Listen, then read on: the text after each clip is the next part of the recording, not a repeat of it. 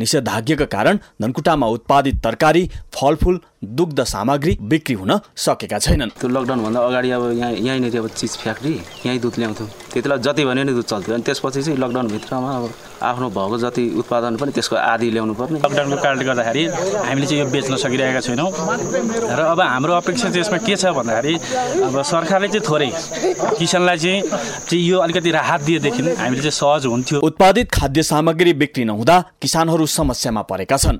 उत्पादन गरेको वस्तु समयमा बिक्री नहुने बिक्री भए पनि समयमा भुक्तानी नपाइने र आवश्यक सामग्री सहज रूपमा उपलब्ध नहुँदा समस्या भोग्नु परेको धनकुटा नगरपालिका वडा नम्बर दुईका गणेश सुवेदी बताउनुहुन्छ। लकडाउनले हामी अब सामान्य व्यवसाय गर्ने किसानलाई धेरै समस्या पारेको छ भनेको समयमा अब पशुको आहार दाना ढुटो खरिद गर्न बजार जान अब धेरै समस्या परेको छ हामीले दस दिनलाई पुग्ने सामान ल्यायो। महिना दिन लकडाउन भइदिन्छ यता बेचेको दुधको पैसो पनि हामीले समयमा लिन पाउँदैनौँ त्यता पनि दुई अढाई महिना होल्ड हुन्छ। व्यवसाय गर्नेहरू मान्छेलाई धेरै ठुलै समस्या पारेको छ। धनकुटामा उत्पादन भएका तरकारी दुग्धजन्य उत्पादन लगायतका सामग्री पूर्वका मुख्य बजार तथा भारतमा समेत निकासी हुने गरेको छ।